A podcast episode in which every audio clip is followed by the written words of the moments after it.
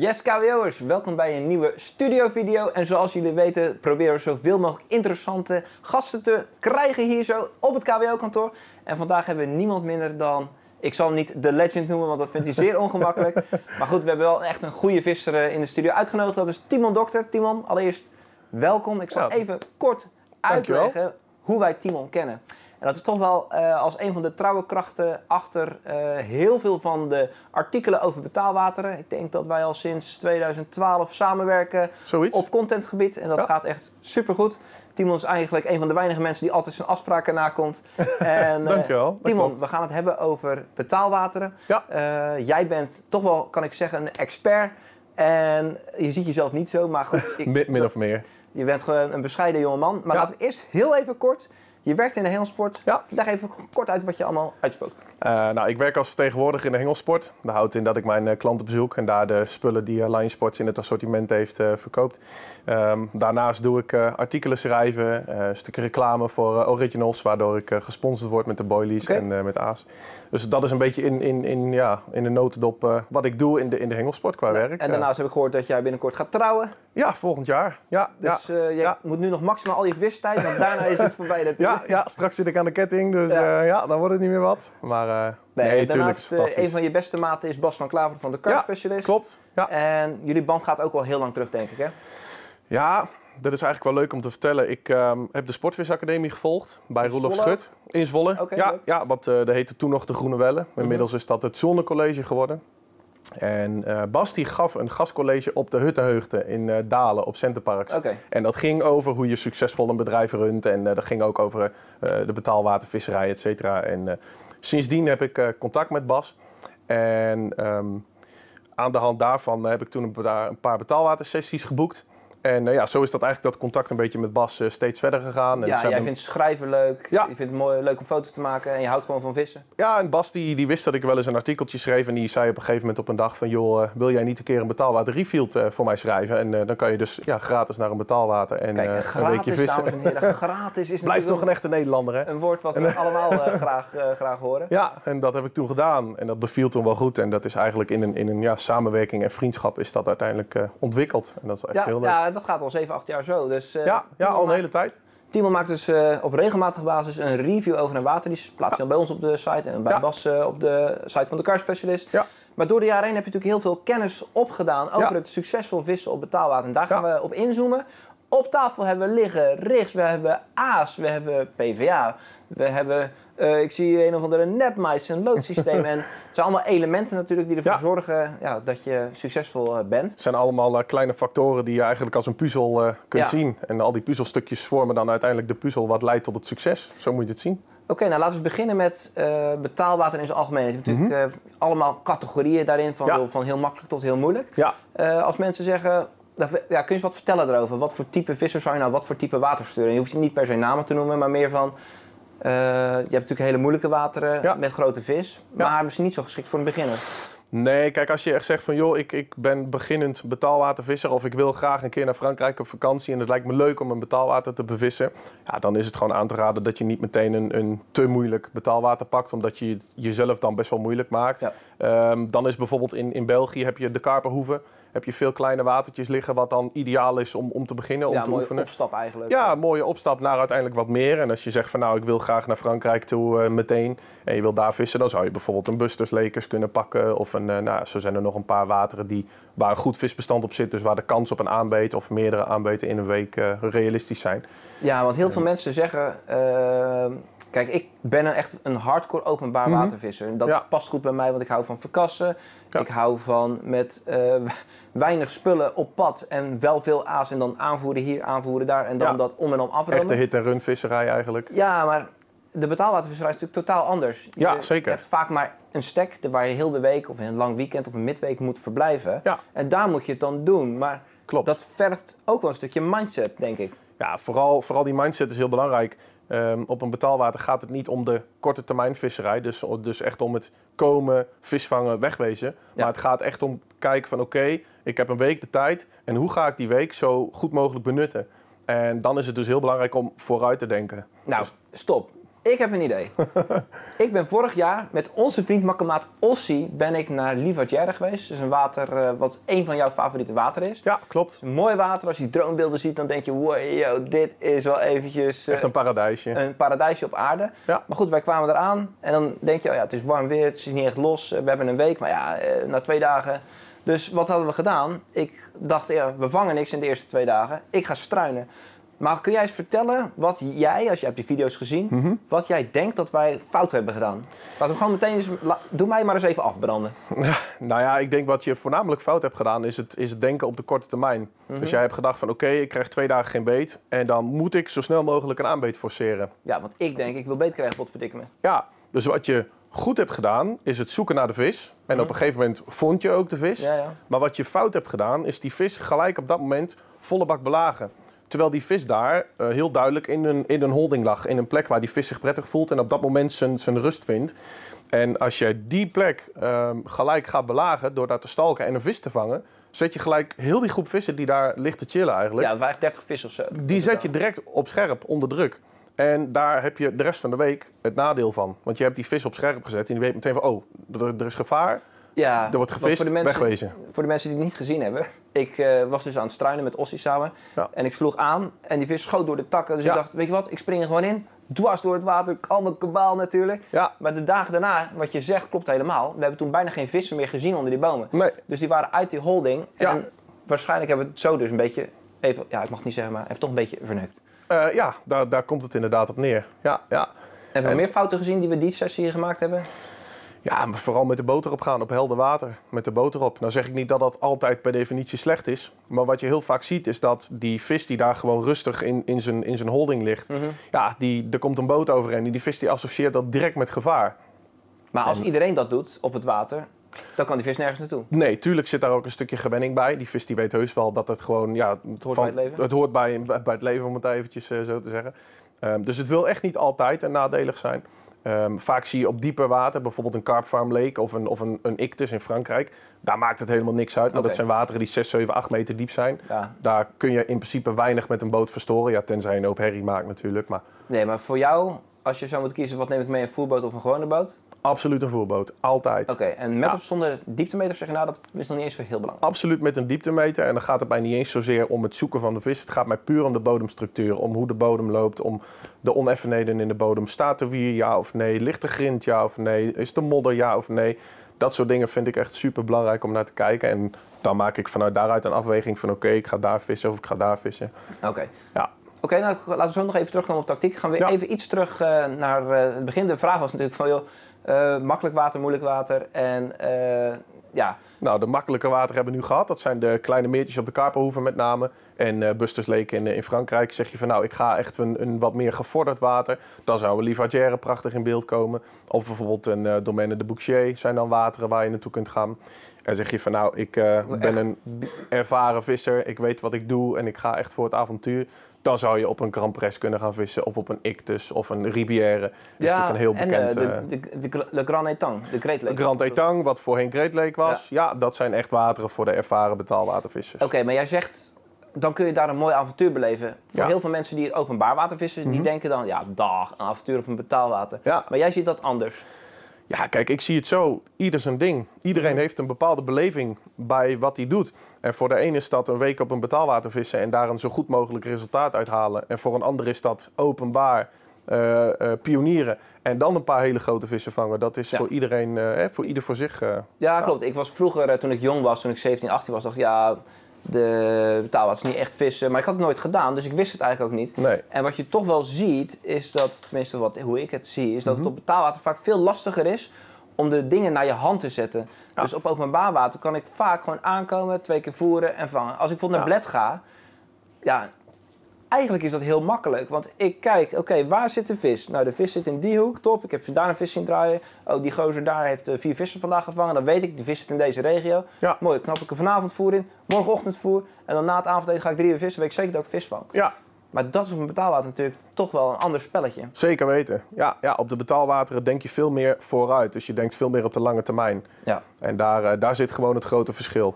En is het dan zo dat jij bijvoorbeeld nog een favoriete voorkeur hebt om wel of niet in een winter, zomer, voorjaar, najaar naar een, eh überhaupt op betaalwater te vissen? Ehm, nou, daar is eigenlijk heel makkelijk antwoord op te geven. Kijk, ik werk natuurlijk in de hengelsport als vertegenwoordiger. Dus wij moeten het hebben van het, met name het hoogseizoen. Nou, dat is vanaf mei tot en met oktober. Dat het gewoon echt verschrikkelijk druk is bij ons. Dan zegt je baas niet van ga even drie weken vissen. Eh, nee, nee, nee. Dus dat is voor mij ja, eigenlijk onmogelijk om, eh, om dan op vakantie te gaan. Dus mijn betaalwatersessies die spelen zich eh, ja, eigenlijk altijd af in het vroege voorjaar.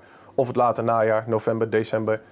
Ik ga ook heel vaak in de winter weg, januari, februari. Oké, ja, ja, dat en- kan dus prima. ja, zeker. Ja, absoluut. Ja. Ja. misschien ook wel omdat er wat meer vis zit op het taalwater, dat je ook misschien in de winter juist nog wel verrassend goed, als het natuurlijk voedsel is weggevallen, want je hebt geen wier meer, je hebt geen slakjes, Ja. eh, dat dan juist een betaalwater ook wel weer een goede optie kan zijn. Met de juiste aanpak kun je dan zeker heel succesvol zijn. Zo heb je natuurlijk gezien vorige week eh, op KWO kwam er een video naar voren van eh, Martin Post. Ja. Die in de winter naar Frankrijk is geweest samen met Wesley. En dan verschrikkelijk goed scoort met een, met een goede aanpak. Ja. Ja, en en hè, kijk maar naar René Treffers, Willem Quinten, jij zelf in de ja, winter. klopt. Wij zijn in januari naar een nou ja. merencomplex geweest. En die vissen hebben gewoon minder te eten, maar er zitten er wel veel. Dus met maden, Ja. verkruimelde boilies konden we echt best wel goed... eh, Precies, dat zijn allemaal voorbeelden van dat het gewoon heel goed kan als je de juiste aanpak maar hanteert. ja, maar denken heel veel mensen ook dat het in de zomer wel even makkelijk is om op een betaalwater te gaan vangen? Ja, dat denken En er ik heel denk veel. dat dat vaak nog wat tegenvalt. Dat valt zeker tegen. Kijk, die wateren staan natuurlijk onder een continue hengeldruk, lijndruk, hoe je het wilt Mhm. noemen. En heel veel betaalwatervissers denken bij aanvang, als ze naar een water gaan, dat ze vanggarantie hebben. Maar het enige welke garantie ze hebben, is dat er vis zit. Je hebt visgarantie. vis, en vaak ook veel vis, maar die staat onder continue druk. En het, het blijft vaak gewoon een, een dressuurwater. Je kan het vergelijken met een hard bevist water, in, gewoon in Nederland, bij Ja. jezelf in de buurt. Ja, en, en daar zul je toch met een gedegen aanpak eh, Ja, moeten komen om vis te vangen. ja. ja, jongens, misschien voor de mensen die nog wat minder lang vissen, maar geloof mij, als er karpers in het water zitten die hard belaagd worden en er komt nieuwe vis bij, binnen no time nemen die nieuwe vissen ook het gedrag over van die oude vis. Dus Ja. voorzichtigheid bij karpers, dus de dressuur, dat is echt iets wat heel een bestand kan hebben, waardoor Ja, het moeilijk is, ook al Ja. zit er veel vis, dat het moeilijk kan zijn om daar succesvol te zijn. Maar laten we daar eens op gaan focussen. Stel, jij gaat naar een betaalwater wat je nog niet eerder bevist hebt. Mhm. Je hebt een voorbereiding thuis Ja. en, en dan kun je ons daar eens in meenemen. Ja, die voorbereiding die gaat gewoon in het eh, lezen van reviews van het eh, betreffende betaalwater.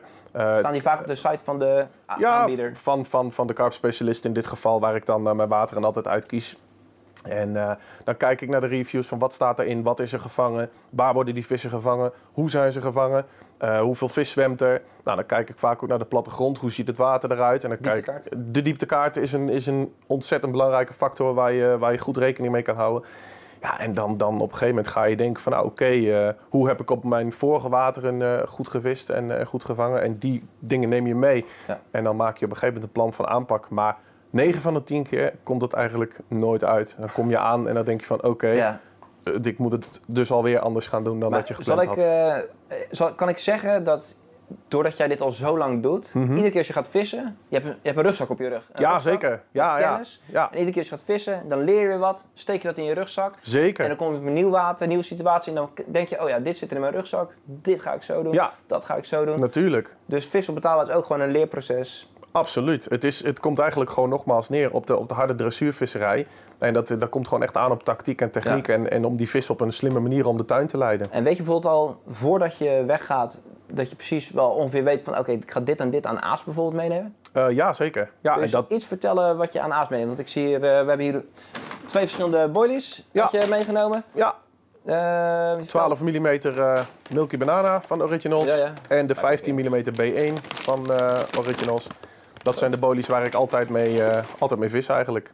En ook zo klein ook gewoon, 12 mm. Ja, ja, ja, nooit groter. Nee? Nooit Ook groter niet dan, in de zomer? Ook niet. Nooit Ah. groter dan 15 mm. Maar is dat ook om het gewoon anders, eh, anders Ja, te ik, doen? ik, ik mag gewoon heel graag met kleine aas vissen. Kijk, wat je ziet op, op, op heel veel wateren is dat vis gewoon sneller klein aas accepteert dan groot aas. Kijk, in de natuur, probeer maar eens iets te zoeken dat groter is dan een 20 mm bolie, wat een karper aan natuurlijk voedsel eet. Nou, dan moet je al heel goed zoeken Ja, daar zit wel wat in. ja. om zoiets te vinden. En je merkt gewoon dat een, dat een vis vaak veel sneller het, het kleinere aas eerder oppakt en eerder eh, gaat, gaat inspecteren dan groter aas.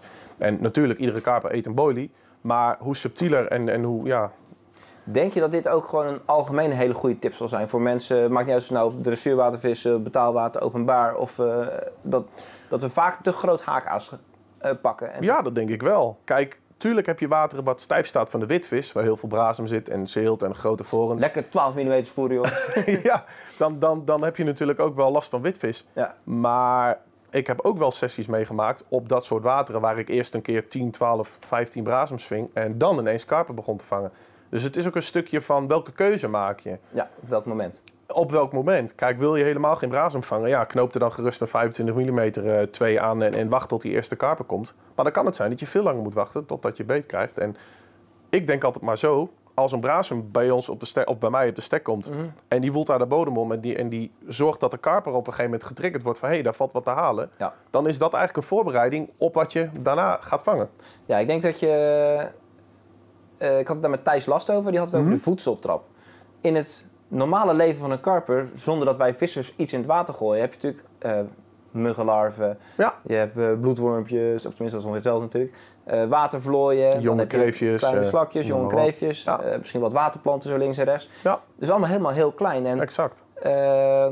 daarom zijn bijvoorbeeld een kleine particle zoals tarwe, hennep, daar gaat een vis meteen gaan ze daarop azen. Ja. En Ja. wat ik door, dankzij Willem Quinten, die vertelde mij dat, en dat heb ik nu ook een aantal keer gedaan, door eh, om voerstek op te starten met 3 mm pellets. Ja, Dus door 3 mm pellets dat die vissen dan door de, door de bodem heen ploegen eigenlijk. ja, Ja. Ehm, dan ja. maken ze elkaar gek. En het mooie is natuurlijk van betaalwater dat er vaak relatief weinig witvis zit. Klopt.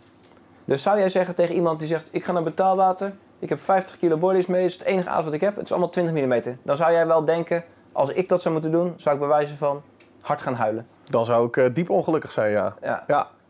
Wat kun je eens vertellen? Wat neem je mee voor aas?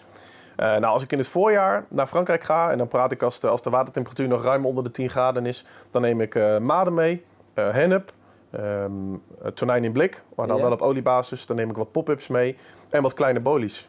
En that's it. En, ja, en grondvoer dan. Oké, grondvoer. En that's it. En dan moet je denken aan 25 liter maden voor een week. Even twee emmers vol. Dat zijn twee grote emmers vol. Ja, en een... Maar dat is natuurlijk mooi dat jij bij al die winkeliers langskomt. Dan zeg je: hey, Heb jij 100 gram maden? Heb jij nog een half litertje? En dan zo sprokkel je natuurlijk die 25 liter. ja, het voordeel is natuurlijk dat ik wel goede adresjes heb waar ik kan zeggen van joh, In het groot, hartstikke idee. ik bestel in één keer 25 liter. En eh, ja, dus dat, dat, dat werkt dan eigenlijk wel makkelijk. Maar ja, aan de andere kant het is wel een grote kostenpost. Ik bedoel, Ja, een, een, liter maden kost al gauw 6 euro. Ja, keer Nou, 25. Keer 25, dus reken maar uit wat dat kost. Ja. En dan praat je alleen nog maar over de maden. Maar bodies kost ook flink geld natuurlijk. Ja, kijk, en er wordt wel eens gezegd van, eh, door vissers van ja, weet je, eh, ik heb eigenlijk liever niet dat mijn boilies zoveel kosten. Maar ik denk dan altijd, ik investeer juist liever wel in mijn aas. Want juist datgene waar je die ene bijzondere vis mee moet vangen, dat is je aas. Dat is de belangrijkste factor van heel het geheel. Ja, of je nou een dure tent hebt, ja of nee, zal die vis... eh, Dat zal die vis een, ro- een rotzorg zijn. Ja. Die kijkt niet wat jij op de kant hebt staan, die kijkt naar wat in het water ligt. ja, dat is denk ik een hele, hele goeie.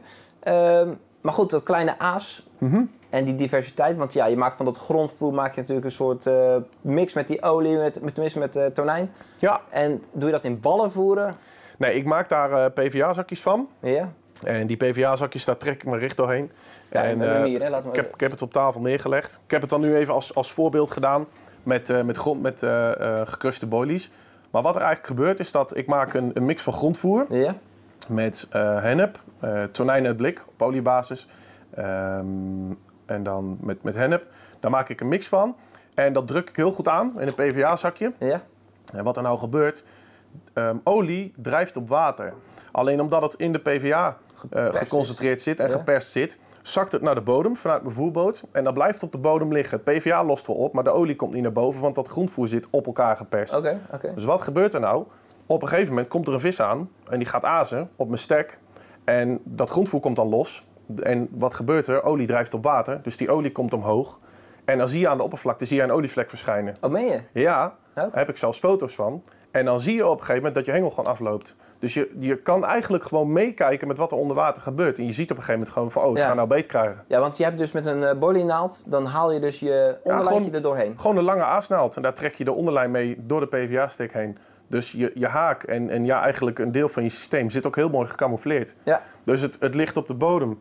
En die vis komt aan. En het enige wat hij ziet is een hoopje voer. En die zuigt dat vol overtuiging naar binnen toe. En de haak, alles gaat mee. En hij hoeft één keer zijn kop om te keren. Want het is maar een richtje van 10 centimeter. Ja, het is echt En mega, hangt. mega kort. Ja. En eh, Eh, dat is ook interessant. Jij vist uh, vandaag met longshankhaken. Ja. En het eerste wat ik wil vertellen, jongens, gaan nu niet meteen naar de winkel rennen om longshankhaken te kopen. Wat het betekent, een longshankhaak heeft een lange steel en een grote gap. En een gap is vanaf de haakpunt tot het haakoog.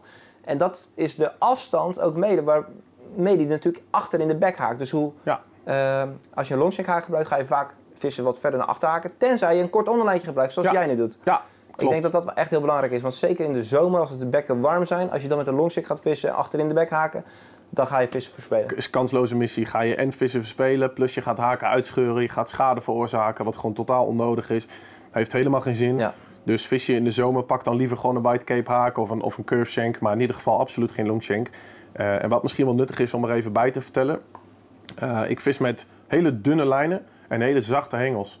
Dus er zit in mijn systeem naar de haak toe zo ontzettend veel demping Ja. dat ik ook het me kan permitteren om met kleine en met longshank haakjes te vissen. Maar je zegt ik vis met dunne lijnen, bedoel je dan echt 2500? 2500 2500? Al- als hoofdlijn, jazeker. Echt? Ja, ja. Maar eh, Ja. dat trek je niet kapot op je eerste beste stronkje weer. eh. Nee, helemaal niet. Dus ik, ik kan het me daarom heel goed permitteren, omdat er zoveel demping in mijn complete systeem zit, Ja. dat ik dus met kleine haakjes en met longshank haken kan Maar jij zou dus adviseren als iemand naar betaalwater gaat en er staat niet al te veel weer, geen eh, grote boomstronken, om dan te zeggen downgrade je eh, hoofdlijn. Bijvoorbeeld, bijvoorbeeld. Maar kijk, is dat, is dat ook omdat je niet wil dat ze tegenaan zwemmen, dat ze het zien en merken? Ja, met name gewoon eh, omdat het denk ik bij mij tussen mijn oren zit. Hoe dunner, hoe subtieler ik alles vis, hoe minder het voor die vis opvalt. En wat ik ook gewoon zie, is dat... ehm, voorheen heb ik ook wel eens met 40 honderdste gevist. Bijvoorbeeld met een subline. Dat is een behoorlijk goed zinkende Ja. lijn. Nu vis ik met een 25 honderdste een, een andere merklijn. Maar goed, die zinkt alsnog heel goed. En ik krijg gewoon meer beet. En denk, ja, zeg het maar. Ligt dat aan die lijn of ligt het aan de manier van vissen? Echt hard maken kan ik het niet. Maar Nee, het is iets wat gewoon... gevoel. Het geeft gewoon een goed gevoel. En omdat ik dus met hele zachte hengels vis, heb ik veel demping. Dus Ja. er komt bijna geen druk op die lijn te staan. Nee, dus daarmee kun je zeg maar veroorloven om eh, met longshank haken te vissen. Ja. Korte onderlijntjes. Ja. Ik zie dat je hier eh, je loodje, dat dat een relatief licht lood is, 78 gram. Ben je ook niet van het zware overdreven? Nee, ik vis eerder lichter dan zwaarder dan dat. Oké. Ja, ik vis ook wel eens sessies met maar 50 gram. Maar is het gewoon puur, je- zo'n longshank haakje, je wil alleen gewoon dat dat korte onderlijntje even een prikje zet en vervolgens Exact. die vis die gaat, die krijgt het niet... eh, Ja, je, je ziet gewoon ook aan de aanbeten dat, dat vaak zijn het gewoon best wel, best wel harde runs ook. Mhm. Nou, en grotere vissen staan er nou niet echt onbekend dat ze met harde runs er vandoor gaan. Het zijn vaak de langzamere aanbeten.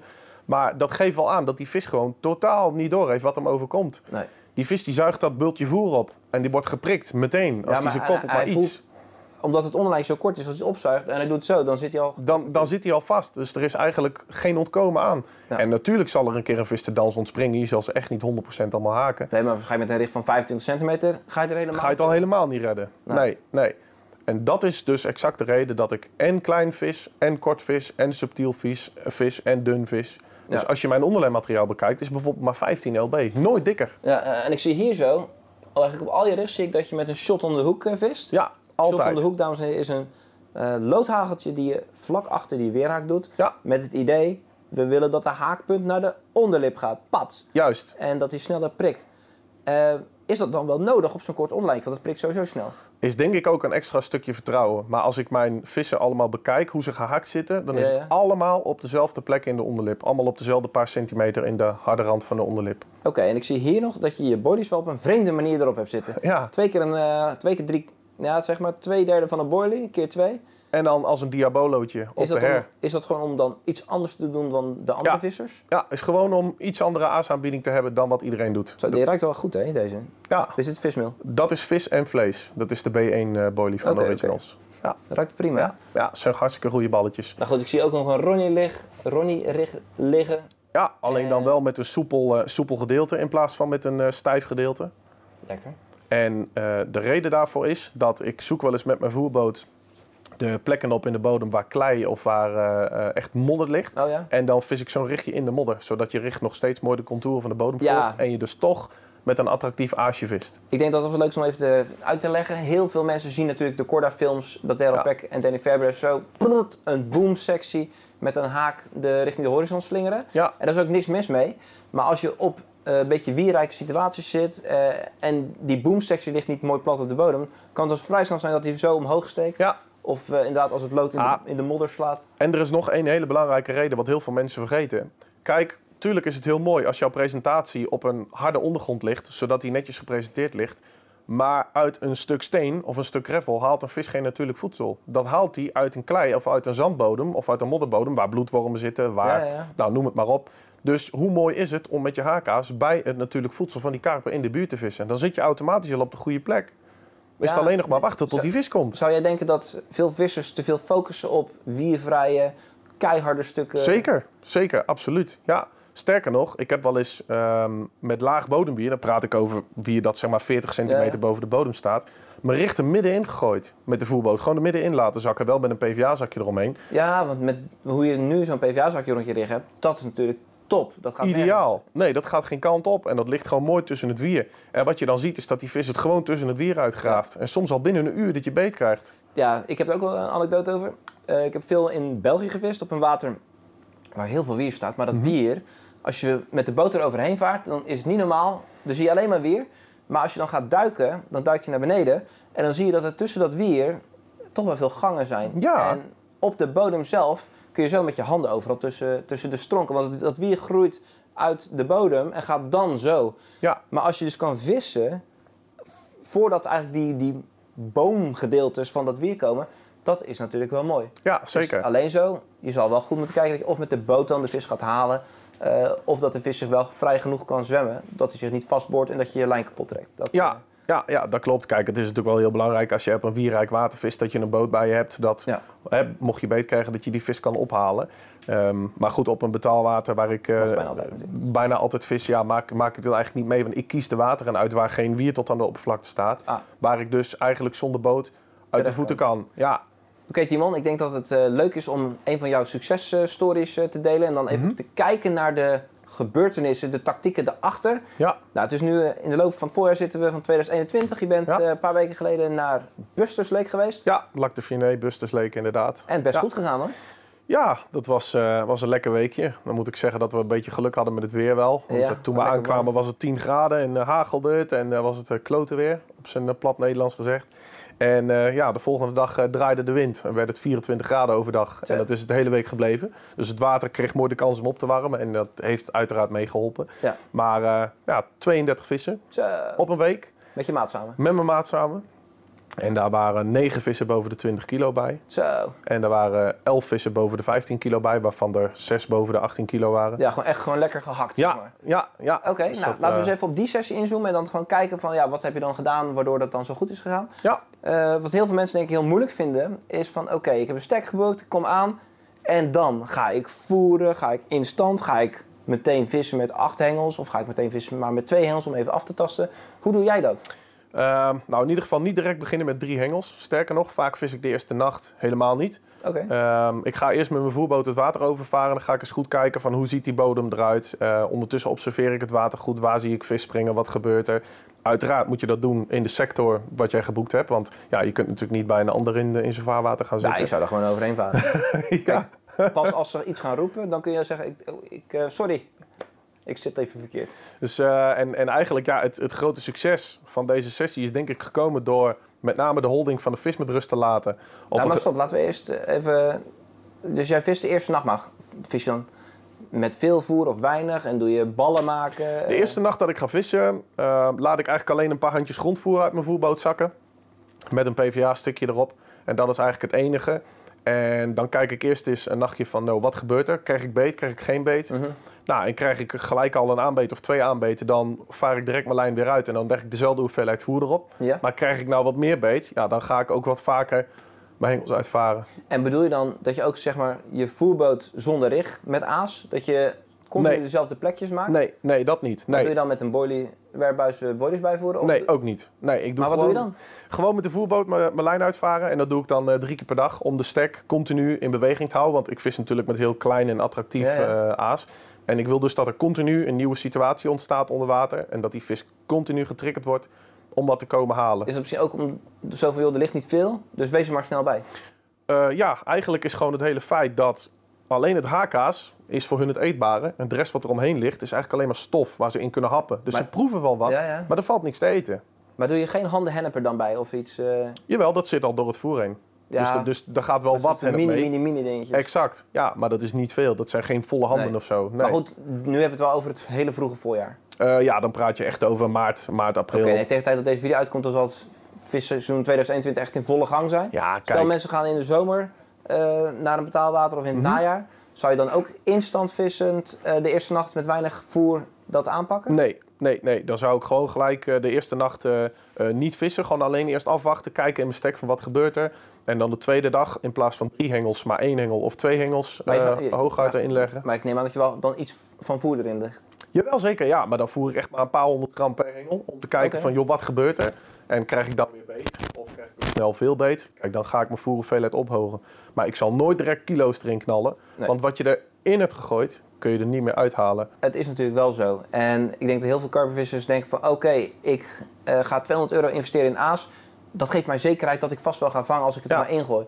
Terwijl dat natuurlijk vaak niet zo is. Dus jij zegt, joh, oké, zeker in het voorjaar begin ik met weinig eh, voer. Ja. Ehm, en wat als het dan loopt? Ga je dan eh, ook nog tussendoor voeren of doe je echt alleen maar op je rechts voeren? Eh, nee, dan ga ik tussendoor ook wel voeren. Dan ga ik echt proberen er een ritme in te brengen. Ik heb, eh dus misschien wel leuk om erbij te vertellen. Ik heb vroeger heel veel witvis gevist Ja. met de winkelpikken, met de feeder. En dan leer je hoe belangrijk dat ritme continu voer Bijvoeren, brengen. bijvoeren. Hoe belangrijk dat is, bijvoeren, bijvoeren. Om die vis dus continu aan Ja. de gang te houden. En dat werkt op een betaalwater net zo. Want een vis kun je eigenlijk gewoon conditioneren op je aas. Ja, nee, helemaal En, eens. Toen eh, ik, het is ook wel leuk om te vertellen, toen ik van de winter dus op die sessie met René Treffers was, Ja, toen ben ik ook heel vaak met mijn voerboot, met gewoon een hand hennep, hand maden en wat verkruimelde Ja. gewoon uitvaren, plof, uitvaren, plof, uitvaren, plof. Dus niet zozeer met een rigger telkens bij, nee, maar gewoon om die vissen in de sector bezig te houden. exact. En toen ik in de Alpen viste, al 2009, 2010, wat Mark en ik dan vaak deden, was dat we tien verschillende plekken hadden op het water en we hadden zes hengels. En Ja, ja. iedere keer als er een hengel afliep, dus we kregen beet, oké, dan haalden we die daar de weg en dan deden we hem daar neerleggen. Dus we hadden tien plekken en iedere stek deden we drie keer per dag voeren, zodat eh, er continu overal wel aas te halen Nou, was. En daar kom je dus op de volgende belangrijke truc, wat ik ook heel vaak doe. Als ik dus ergens op een bepaalde vierkante meter een vis heb gevangen, leg ik hem daar nooit meer terug. Omdat ik continu voor die vis een nieuwe situatie wil creëren, zodat het voor die vis weer onbekend is. Want, want je krijgt op een betaalwater, er staat natuurlijk al heel veel dressuur op, je krijgt stekdressuur. Die vis die weet op een gegeven moment, oh, die plek is onveilig. Want mijn maat is hier gevangen. Exact. Exact, die vissen hebben dat echt wel in de gaten. Als er een vis op jouw stek komt azen, is het er nooit één. Zijn er altijd wel twee of drie bij elkaar. Mhm. Dus er is er altijd één of twee die schrikken en die weten, oh, we moeten oppassen. Oké, dat is interessant. En dan gaan we één stapje verder. Dat is dus holding areas. Ja, Daar kun je ook denk ik wel wat moois over vertellen. ja, dat is gewoon een hele belangrijke. Wat je vaak ziet is dat vissers ehm, in de fout gaan door direct die holding te Maar bevissen. laten we eerst even één stap terug gaan. Leg eens even uit wat een holding area is. Ja, een holding is, is een plek waar die vis zich prettig voelt. Waar die vis eh, nou, eigenlijk ligt te chillen. Wat je Mhm. thuis op de bank ook doet met Netflix aan. Daar komt het eigenlijk op neer. En ehm, ja, dat is een plek waar die vis zich prettig voelt, veilig voelt. En waar die ook zijn natuurlijk voedsel zoekt. En als je daar met je hengels in gaat vissen meteen... Dat, dat is dus het klassieke voorbeeld van wat jij op Lievertje hebt gedaan. Zo'n klein beetje verkeerd. Dan, dan zet je die vis direct op scherp. Ik had wel 40 gevangen, hè? Dus ja. Dat, dat dan weer wel. Maar dat was voor het snelle geld gaan. Dan heb je er Ja. maar één. Ja, klopt. Nu had ik maar één. En wat je ziet, wat ik doe, is de stek eigenlijk, of de holding met rust laten. ja, ja, ja. En daar een stukje van af, mijn voer presenteren. En daar dus met heel attractief aas gaan vissen. Dus wat er uiteindelijk gebeurt, is dat die vissen die raken uiteindelijk geïnteresseerd. Het kost wel wat tijd. Soms duurt het een nacht, soms twee nachten. Ja. Daar moet je mentaal ook best wel, wel, wel ervaring mee hebben. Wel Niks kunnen. voor mij. Niks voor mij. Dus het is wel soms ook wachten en Ja, geduld ja. hebben. De waiting game. De waiting game, die vis die komt uit die holding en die begint op een gegeven moment te azen. Ja.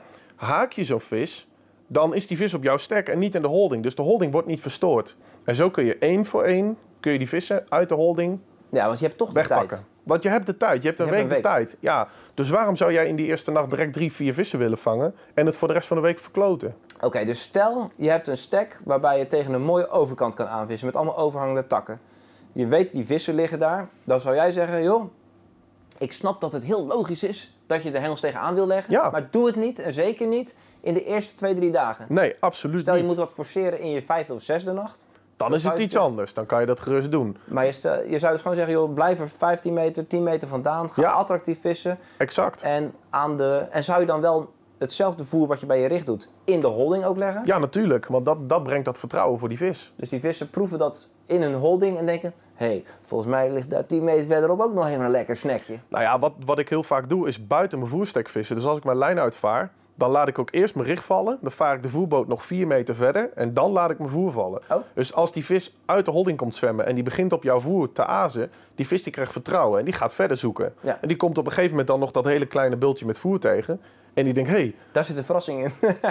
ja, dat is dan de verrassing waarmee je hem vangt. Ja. Maar die vis denkt, hé, hey, daar ligt nog wat lekkers hap. En die pakt dat met volle overtuiging en dan hangt hij eraan. En dan is die vis al zo ver bij die holding vandaan, dat je met de drill ook de holding niet meer verstoort. Nee, en dan dus als zijn broertjes en zusjes, die hebben geen idee dat, hebben eh, werkelijk geen idee wat daar dat gebeurt. Frits even op de kant is ge gedrukt. Exact, exact. Die hebben geen idee. Ja. En daarom kun je heel mooi die vis één voor één uit die holding wegvangen. Oké, nou, zo, gewoon heel eerlijk, ik vis al een tijdje. Ehm, maar zo heb ik, ja, denk ik er ook nooit echt over na. En dat komt gewoon omdat het niet mijn visserij is wat Nee. ik gewend ben.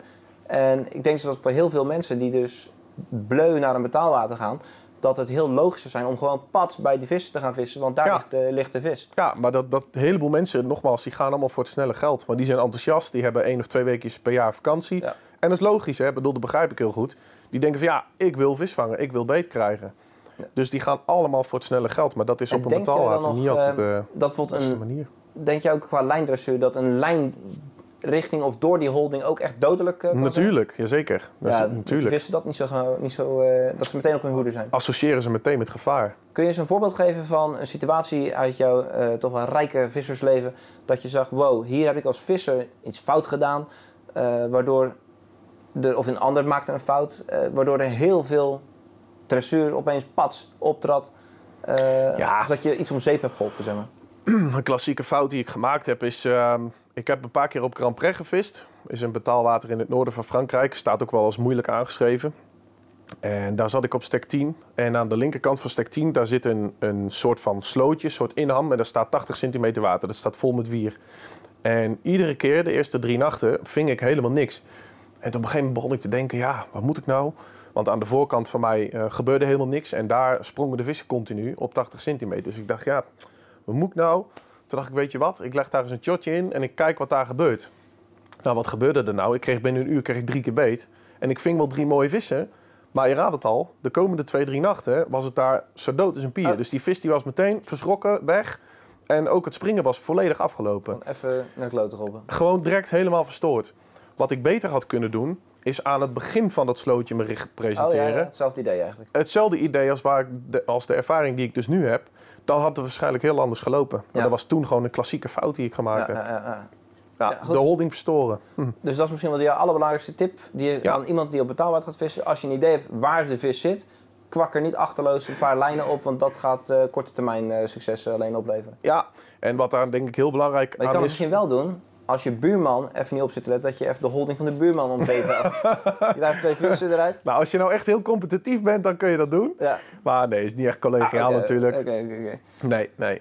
Nou, en qua, eh, qua richt zeg je dus, oké, ik houd het kort. Qua Ja. leaders, ik zie dat je gewoon met tube vist, eh, Ja. verder niks speciaals. Niks bijzonders. Zinkende eh nylon hoofdlijn. Ja, Zijn er nog verder fouten waarvoor je vissers wil waarschuwen? Van oeh, ga niet met eh te, ja, over aan. Ja, bij, bij aankomst eh, gooi je autodeur niet hard dicht. Niet met autodeuren klappen. eh, hou rust op de stek. eh, maak, maak geen lawaai. Als het niet hoeft, gebruik dan in vredesnaam geen boot. Want daar verstoor je een hele hoop mee. En wat denk ik nog een hele belangrijke is, waar veel vissers niet over nadenken, is ehm, vis niet met te veel hengels. Je hebt bepaalde stekken waar je maar plek hebt voor één of twee hengels die goed lopen. Mhm. Laat die derde hengel er in vredesnaam uit. Als die geen actie oplevert, draai hem naar binnen toe, doe hem in je voedraal en laat hem er ook uit. Want die derde hengel kan alleen maar extra lijndruk veroorzaken. Is, kan alleen maar schade brengen in plaats van... ja. eh, ja, dus stel je zegt, joh, ik ben al vier, vier dagen aan het vissen. Ik heb twee hengels die iets opleveren. Mijn derde hengel gebeurt niks. Haal hem eruit. ja, haal hem en, eruit. eh, ga je molen poetsen. Exact, ja. ja. Haal hem eruit en laat hem eruit. Ja, want als jij het met één of met twee hengels goed aan het lopen krijgt, heb jij voor die derde helemaal geen tijd. Nee. nee, ja, klopt. Ik denk tijdens die sessie op Busters Lake, je zegt 32 vissen in een week. Dan ben je druk zat daarmee. Exact. Om, eh, nou, als ik bijvoorbeeld in, naar Bled kijk, dat is ook een water waar je maar met twee hengels mag vissen per Mhm. persoon. Als je dan een beetje een dag hebt dat je zes vissen vangt, ja, dan heb je druk zat. Ja, En doordat je maar met twee hengels mag vissen, ben je super scherp aan het vissen. ja. Dus ik vind het eigenlijk altijd wel lekker. Ook in Oostenrijk mag je vaak maar met twee hengels per persoon eh, vissen. ja, en dan ben je heel geconcentreerd op die twee. Dus jij zou zeggen, joh, Ik zou eerder met eh, twee hengels vissen dan met vier als ik zou Zeker. kiezen. Zeker, rest zeker. leven. Ja, ja, sterker nog, ik heb eh, bijvoorbeeld op het betaalwater Domaine de Boucher gevist. Daar Mhm. mag je met vier hengels per persoon vissen. Heb ik de hele week met twee hengels gevist. En dat ging prima. En dat ging super. Ja. Dat ging hartstikke goed. Ja, en wat zijn... eh, kun je eens, eh, die Busters Lake sessie met eh 49ers met je, samen met je maat was natuurlijk super. Ja, Eh, kun je nog eens een mooie sessie aanhalen? ja met, eh, met Ivo Nijboer, met een van mijn beste maten. Die ken jij ook Ja, wel. ja. Ik heb met Ivo op Livadière gevist. Dat was in 2019, als ik me niet vergis, het voorjaar. En ik had toen eerst een week alleen op Boucher gevist. En Ivo kwam de laatste nacht bij mij aanhaken om mee te vissen en Oh. om samen naar Livadière te Leuk. reizen. Dus dat was al heel gezellig. En toen hebben we uiteindelijk op Livadière hebben we echt een fantastische week meegemaakt. Met dus, wat ik net zei, die truc met die holding en met Ja. rust laten. Hebben we 49 aanbeten gekregen. 49? 49 in een week. Os en ik hadden er zeven in uh, vijf, vier, vier, vijf nachten. Ja, Maar bij ons was het heel ja. warm. Hè? Dus, Ook, ook op dezelfde stek, op stek 9. En dan hadden we 49 aanbeten. En daar waren vier of vijf waren de veertigers van, maar echt ontelbaar veel dertigers. Gewoon en, eh, gevist. Gewoon echt fantastisch gevist, Ja. goed gevangen, gezellig gehad. En ja, dat, dat zijn de weken die, die, die er ook voor mij gewoon echt eh, toe doen. Dat je succesvol bent, dat je plan compleet ja, werkt. want En- is voor jou eh betaalwatervissen is het nou, eigenlijk een soort van schaken? Eh, ja, zo zou je het kunnen noemen, ja. je, je hebt je voorbereiding, je, hebt je, je hebt je tactiek. Met schaken heb je ook een tactiek Vo- natuurlijk. voordat ik vertrek ben ik al wekenlang bezig met de voorbereiding. Reviews lezen, het water bekijken, de dieptekaart bekijken, mijn aas bestellen. Doe je bijvoorbeeld ook zelf eh, vooraf heel veel rechts knopen of doe je het ter plaatse aanpassen naar wat je denkt dat beter is? Ehm, nee, ik doe dat eigenlijk allemaal van tevoren al. Omdat ik van alle jaren betaalwatervissen eigenlijk de ervaring heb dat bepaalde richts altijd zijn, ja. doen. Ja. Dus die knoop ik dan van tevoren, zodat ik ook gauw als ik een vis heb gevangen, een nieuwe richt eraan, uitvaren, klaar. En gaan we het weer. Ja, gewoon echt op snelheid soms vissen. Oké, dus en, en een- zeg maar, stel je zegt, oké, ik ben karpenvisser, ik heb gewoon niet zoveel geld. Eh, ik kan geen dure voerboot kopen. Zou je dan zeggen, nou, dan is het misschien slim om water te kiezen waar dat ook helemaal niet mag, zodat iedereen met gelijke wapens aan het vissen is? Nee, dat denk ik niet. Ik denk als jij gewoon een, een ehm, bedoel, met een hele simpele, goedkope karpenhengel kun je prima een stek afpeilen. En met een pijlhengel kom je ook een Ja, heel eind ja, met, met distance sticks. Maar Dus- mensen hebben daar geen zin in, hè? Om, om dat... Nee, oké, maar dan is het nog steeds een stukje mindset. Maar het karpenvissen hoeft helemaal niet duur te zijn. En je hoeft ook helemaal niet een, per se een peperdure voetboot te hebben om succesvol te zijn. Nee. Dat is onzin. Nee, klopt. Dat is denk ik wel goed om even te vertellen. Dat, tuurlijk kan het heel veel helpen. Het kan je leven Het is makkelijk makkelijker, gereedschap. eh, maken. Ja, Maar de voldoening is misschien ook wel weer wat groter als je met simpelere middelen... nou, een, een klassiek voorbeeld om daar even bij te vertellen is... ik ben in 2017 met Bas naar Gigantica geweest. Nou, dat is Zo, natuurlijk daar had een, je die een- mooie spiegel mee. Wow, ja. Ja, en dus alles werpend. Met de pijlhengel, alles uitzoeken, uitvogelen. Dus dat is echt heel technisch vissen. Maar daar had ik dus ja, een van de vissen van het oude bestand Ja, op ik denk even 22 kilo. Tot de mooiste vis misschien van je leven. Ja, ja, echt een, ik denk een van de allermooiste. Want ja, die vis die gaf een voldoening, dat was Ja. ongekend. We zaten met, met nachtvorst ook, s'nachts was het min 4. Overdag was het maar 5 of 6 graden, dus het was echt gewoon uh, ja, wintertaferelen. Ja, even afzien. En uh, ja, drie of vier nachten achter elkaar niks. En ik kreeg een aanbeet. En dan die vis, ja. En dan, uh, dat maakt heel je week en, en dat maakt zoveel goed. Ja, ja, ja. Dat is echt een, uh, ja, ja, dus dat uh, mag met recht denk ik wel een van de mooiste vissen uit mijn betaalwatercarrière zijn ja, dat kan ik helemaal geloven. Toen je die foto doorstuurde, jij zat, jij zat toen nog in Frankrijk. Ja, Ik denk, wow, joh, wat is dit voor vis? ja, ja. Dit is wat je wel wil vangen. Zeker weten. Ja. Oké, Timon. Nou, dan denk ik dat we heel veel mooie dingen gehad hebben. Ja. Heb je nog iets toe te voegen waarvan je zegt, nou, dat, dat zou ik als tip willen meegeven of aan willen stippen als wel of niet belangrijk? Ja, ik denk gewoon uh, de beste tip die ik mee kan geven is dat iedereen vooral plezier moet hebben in zijn of haar visserij. En je vooral niet laten beïnvloeden door wat een ander daarvan zegt of van vindt. Nee, Dus, want eh, zeker uh, toen jij in 2012, 2013 op betaalwater aan het vissen was, denk ik dat best wel veel maten uh, zeiden van, joh, betaalwater... Nou, nog steeds wel. Nog steeds wel. Ja, nog steeds heel vaak reacties als ik verhalen vertel over dat ik een mooie sessie heb gehad. Dan, ja, ja, maar dat is maar betaalwater, dat telt Ja. niet. Dat soort Ja. reacties krijg je nog steeds. Ik denk dat heel veel mensen... Kijk, als jij op Lake zit en je vangt 49ers... eh, dan denken mensen, oh, het zal wel makkelijk zijn. Maar er zijn genoeg Ja. mensen die op Lake natuurlijk zitten... en die vangen niks of die vangen dat één of twee vissen. Ja, ja. Dus het is ook maar net van ah, welk verhaal pik je, pik je eruit om op te zeiken. Nou ja, zo heb ik dus nog een anekdote over ehm Michelis Lake in, Mhm. eh, in Frankrijk. Dat is een water in Noord-Frankrijk. Staat best als, als nou, redelijk makkelijk aangeschreven. Sta, zit veel vis. En eh, een maat van mij die ging daar, eh, ik zal zijn naam niet noemen, dat is een beetje lullig, maar Ivo Nijboer. die, ah, nee niet Oh, Ivo, maar die, eh, die ging daar een, een paar maanden geleden naartoe en die, die dacht van, joh, ik ga daar wel eventjes een paar vissen vangen. Ja, ja. En die kwam bedrogen uit, die ging met een blank naar huis. Ja, dat kan ook gewoon gebeuren. ja, ja, en die had eigenlijk voor, vooraf best wel een grote mond van... joh, ik, zal, ik zal het wel even doen. Maar die kwam dus bedrogen uit. Nou Ja. moet ik zeggen dat hij niet de meest ideale omstandigheden had. Maar het, het kan dus altijd misgaan als Ja. jij eh, met de verkeerde instelling weggaat. Ja jongens, dus zo zie je maar. Er valt veel te leren in het leven. en eh, ook voor mij, ik heb toch weer een paar leuke dingetjes uitgepikt eh, om zeker eens te proberen. Misschien moet ik toch wat vaker die holding area met rust laten. Misschien moet je een keer meegaan. Nee joh. nou trouwens, dat lijkt me op zich wel eens mooi. En misschien kunnen we daar eens een mooie video van maken. Daar wou ik net zeggen, een mooie video van Dat zou maken. wel leuk zijn. Dat is denk ik wel leuk. Timon, ik dank jou voor je tijd. Ja, heel graag gedaan. En jullie bedankt eh, voor het kijken. En mocht je nou vragen hebben aan Timon, jij staat altijd open om mensen op weg te helpen met hun Ik eh, vind het altijd leuk om mensen te helpen of iets te kunnen leren. Dus als, in de eh, DM of de chat kun je altijd een vraag stellen. stuur me gerust een berichtje, is geen enkel probleem. Nou, bedankt dat je hier was. En jullie hartstikke bedankt voor het kijken. Heel graag naar gedaan. de volgende video, jongens. Tot ziens. En mocht je naar betaalwater gaan, veel succes. En als je niet uitkomt, eh, kun je Timon gewoon de schuld geven. Ja, ik heb wat gehoord, maar het werkt allemaal niet. Tot ziens.